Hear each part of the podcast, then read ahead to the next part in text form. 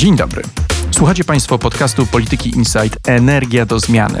W naszej audycji opowiadamy o najważniejszych wiadomościach z sektora energetycznego, omawiamy zmiany regulacyjne i najnowsze trendy technologiczne.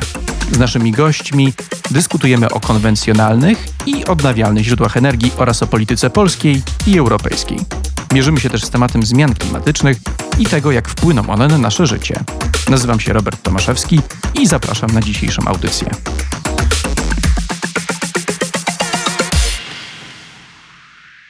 Jest wtorek, 19 maja.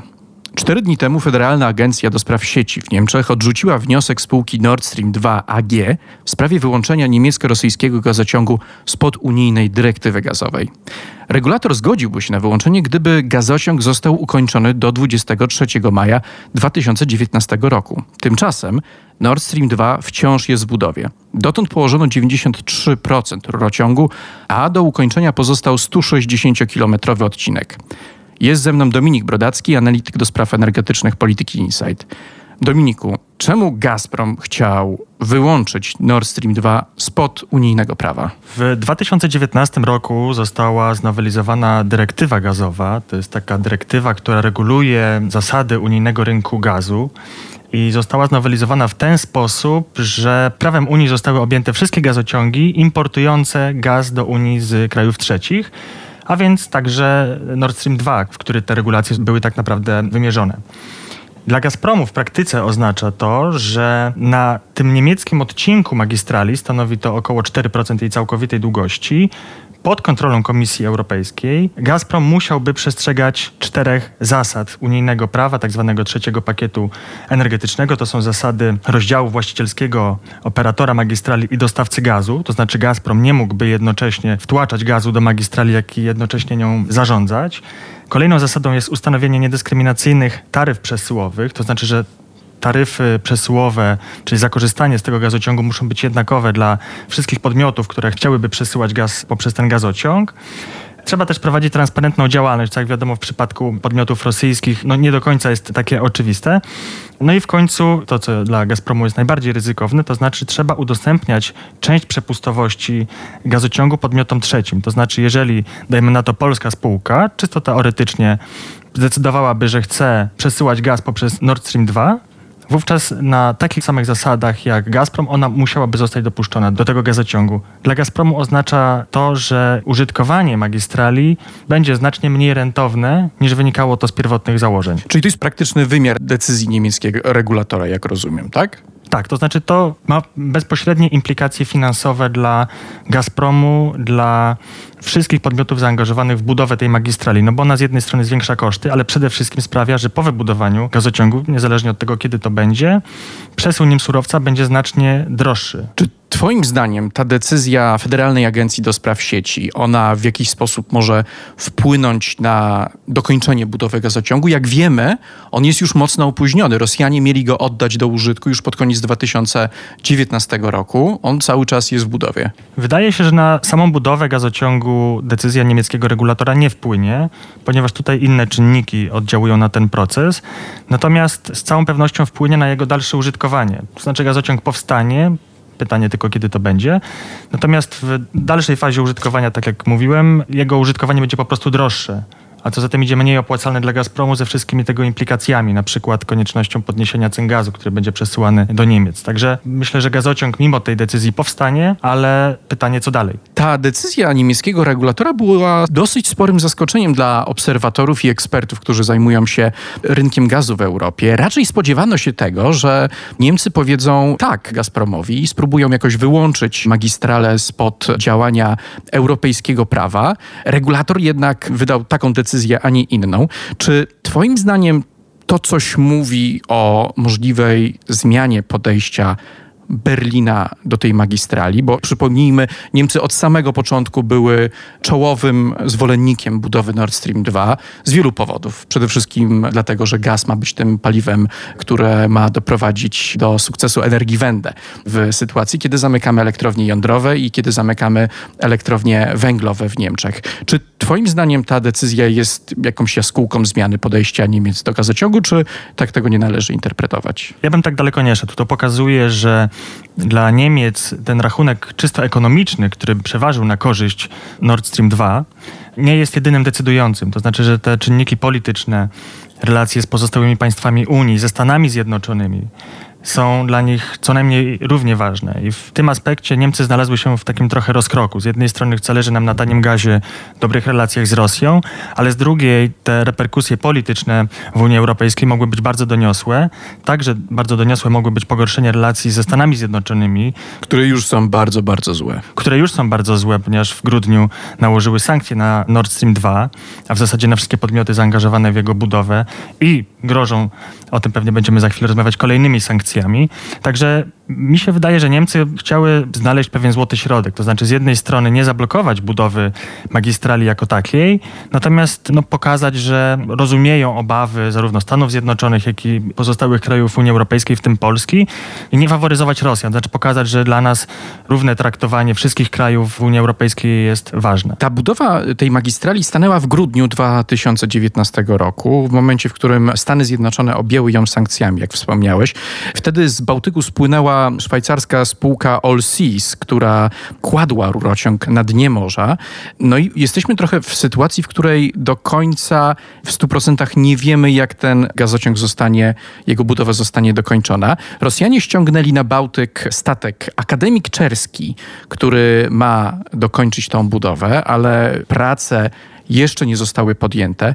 Powiedz, co się dzieje z tym statkiem, czym w ogóle jest ten statek i czy Rosjanie mogą samodzielnie dokończyć budowę Nord Stream 2? I to jest właśnie największy problem budowy gazociągu. To znaczy, Rosjanie muszą to zrobić samodzielnie, dlatego że żaden podmiot z jakiegokolwiek innego kraju nie zdecyduje się wejść teraz na, w cudzysłowie, plac budowy, mając świadomość, że jego kadrze kierowniczej grozi cofnięcie wiz do USA, że zostaną tej firmie zamrożone aktywa w Stanach Zjednoczonych. To jest oczywiście implikacja sankcji amerykańskich nałożonych w grudniu. Samą inwestycję komplikuje też to, że Rosjanie posiadają tylko jeden statek dedykowany do układania rur na dnie morza. To jest Akademik Czerski, który obecnie znajduje się w niemieckim porcie Mukran, to jest na północy tego kraju. Płynął tam kilka tygodni z portu w Nachodce koło Władywostoku, także kilkadziesiąt tysięcy kilometrów musiał pokonać. Natomiast Największy problem z punktu widzenia Rosji jest taki, że jest to statek nieprzystosowany ani do układania rur na takiej głębokości jak Nord Stream 2, to jest około 40 metrów, ani do układania rur o tak dużej średnicy, to jest 48 cali. Dodatkowo oznacza to, że Akademik Czerski musi przejść modernizację, na którą czeka w niemieckim porcie. Nie wiadomo kiedy ona się rozpocznie, chociażby także z tego powodu, że Rosjanie od kilku tygodni próbują wyłonić firmę, która ubezpieczy prace modernizacyjne. Decyzja w tej sprawie ma zapaść jutro. Natomiast do tej pory była kilkukrotnie przekładana i nie wiadomo, kiedy formalnie się to wydarzy. No i w końcu, nawet jeżeli jednostkę uda się zmodernizować, to jej wypłynięcie w morze może utrudnić kolejna fala amerykańskich sankcji. 11 maja wpływowy amerykański senator Ted Cruz zasugerował, że, czy zagroził, że jeżeli tylko akademik Czerski podejmie pracę na budowie Nord Stream 2, to automatycznie Gazprom, jako właściciel jednostki, zostanie objęty amerykańskimi restrykcjami. Czyli tak jak powiedziałem, to jest na przykład zamrożenie zagranicznych aktywów, odcięcie od finansowania zewnętrznego, cofnięcie wiz dla kadry kierowniczej. Czyli Rosjanie znajdują się w sytuacji patowej. Żaden inny kraj nie udzieli im teraz bezpośredniej pomocy przy budowie gazociągu, a te możliwości, które mają własne, są praktycznie nie do użycia z powodów politycznych. Chciałbym się na sekundkę cofnąć na polskie podwórko i stosunek Warszawy do Nord Stream 2, który jak wiemy od dawna był bardzo negatywny. Polska aktywnie przeciwstawiała się na forum Unii budowie tej magistrali, ale w kwietniu 2018 roku polski UOKiK postawił Gazpromowi, ale ale także jego zachodnim wspólnikom, czyli Uniperowi, Shellowi, francuskiemu Engie, niemieckiemu Wintershellowi i austriackiemu OMV, zarzuty w związku z powołaniem tej spółki Nord Stream 2 AG bez jego zgody. Co się dzieje z tym postępowaniem? Postępowanie się toczy, choć tak jak zauważyłeś, nie wypływają z polskiego UOKiK-u jakieś przełomowe informacje. Ostatni raz 8 listopada 2019 roku UOKiK postanowił nałożyć karę, i to była pierwsza kara w tym postępowaniu w wysokości 40 milionów euro Otrzymała ją spółka Engie Energy, to jest spółka córka koncernu Engie.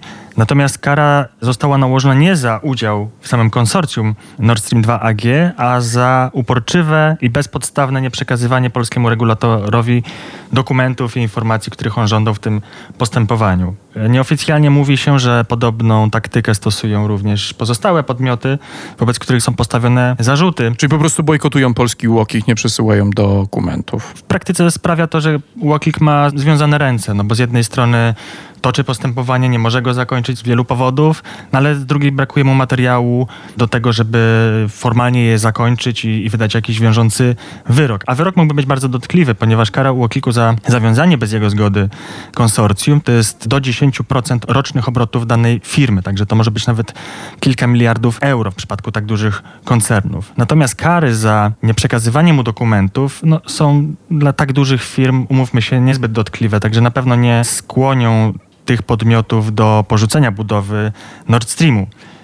Trzeba także podkreślić, że nawet jeżeli to postępowanie uda się zakończyć, to orzeczenie regulatora na pewno będzie kwestionowane w sądach i związana z tym będzie na pewno wielomiesięczna, może nawet i wieloletnia batalia prawna, która nie doprowadzi do zablokowania budowy gazociągu. No właśnie, to mówisz, że z jednej strony ta batalia prawna może nie doprowadzić do zablokowania budowy, czyli Nord Stream 2 ostatecznie powstanie, ale no te warunki regulacyjne, w jakich będzie musiał funkcjonować, one znacząco się pogorszyły, jeżeli chodzi o Gazprom.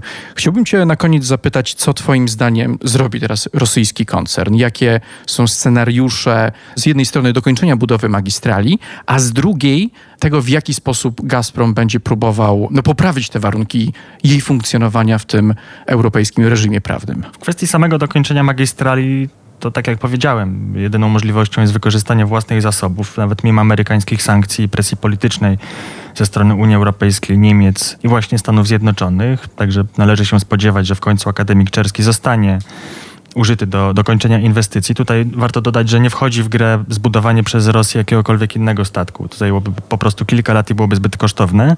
Natomiast już po powstaniu Nord Stream 2 no, Rosja ma co najmniej kilka możliwości próbowania omijania unijnych regulacji, o których rozmawialiśmy. Pierwsza to jest kwestionowanie samych zmian w dyrektywie gazowej na, na drodze prawnej. W 2019 roku konsorcjum Nord Stream 2 AG wniosła do Unijnego Trybunału Sprawiedliwości, a także do Trybunału Arbitrażowego skargi o uchylenie tych zmian, kwestionując ich po prostu legalność, podnosząc, że dyskryminują one podmioty, które chcą handlować gazem w Unii Europejskiej. Natomiast też możliwe, że nie czekając na rozstrzygnięcie, które zapadnie najwcześniej za kilka miesięcy, ponieważ obydwa postępowania znajdują się w bardzo wczesnej fazie, Gazprom może próbować omijać po prostu prawo Unii. W 2019 roku Financial Times, a także niemiecki Handelsblatt zasugerowały, że Gazprom może powierzyć zarządzanie magistralą dwóm oddzielnym spółkom. Jedna operowałaby na wodach niemieckich, czyli na tym odcinku, na którym będzie obowiązywało prawo Unii, a druga operowałaby nim na pozostałym odcinku, czyli od granicy wód terytorialnych Niemiec do wód rosyjskich.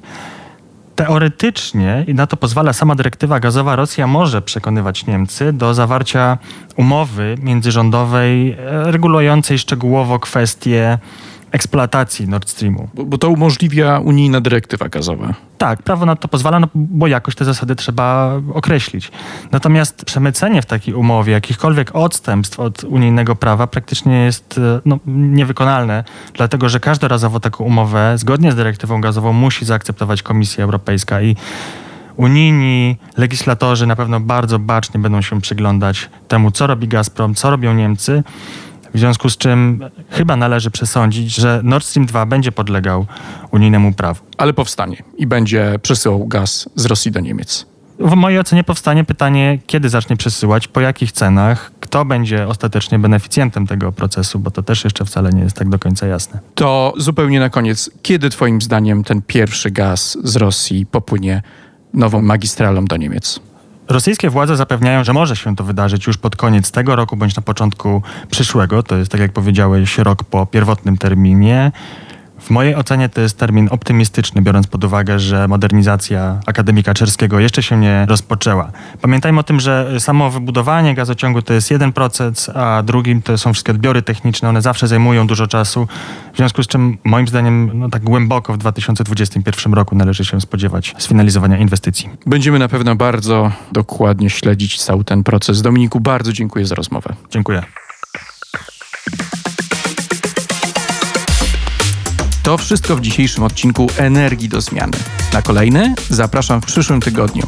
Posłuchajcie również innych audycji Polityki Insight. W środy Dużego Pałacu o wyborach prezydenckich, w czwartki podcastu technologicznego Przyszłość jest dziś, a w piątki audycji o najważniejszych wydarzeniach politycznych i gospodarczych w Polsce, Europie i na świecie. Znajdziecie nas na serwisach Spotify, Apple Podcast, Google Podcasts, na SoundCloudzie i innych aplikacjach, w których słuchacie podcastów. Do usłyszenia.